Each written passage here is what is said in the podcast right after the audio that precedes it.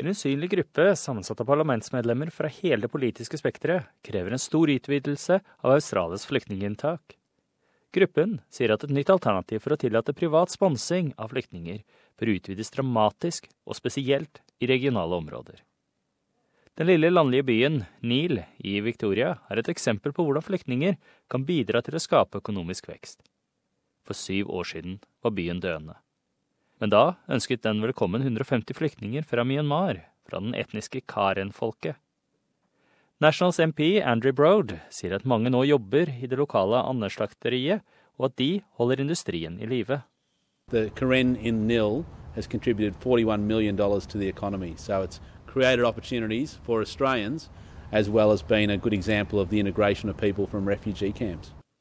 Turnbull-regjeringen introduserte nylig en ordning som tillater private selskaper, samfunnsgrupper og enkeltpersoner til å sponse 1000 flyktninger. Tanken er å ta kostnadene vekk fra regjeringen. Men nå sier Broad at han vil se denne muligheten dramatisk utvidet, fra 1000 til 10 000 personer.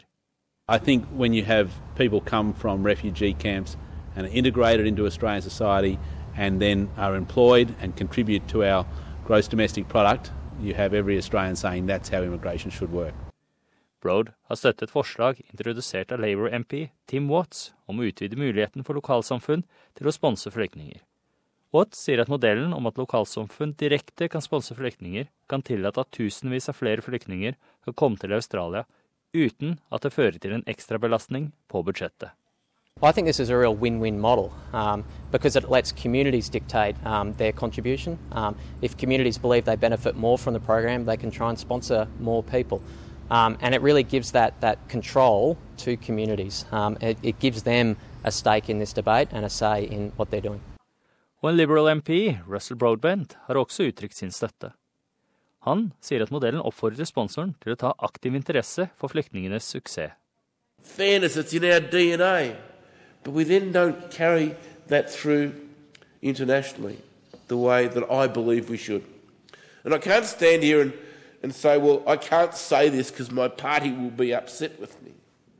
Because this is about relationships. Samfunnssponsorprogrammet ble kun utvidet fra en liten pilot til et permanent program i budsjettet tidligere denne måneden. Utlendingsdepartementet har nektet å kommentere ideen om å øke den til 10 000 plasser. Denne saken var laget av James Elton Pym på SBS norsk. Jeg er Frank Mathisen.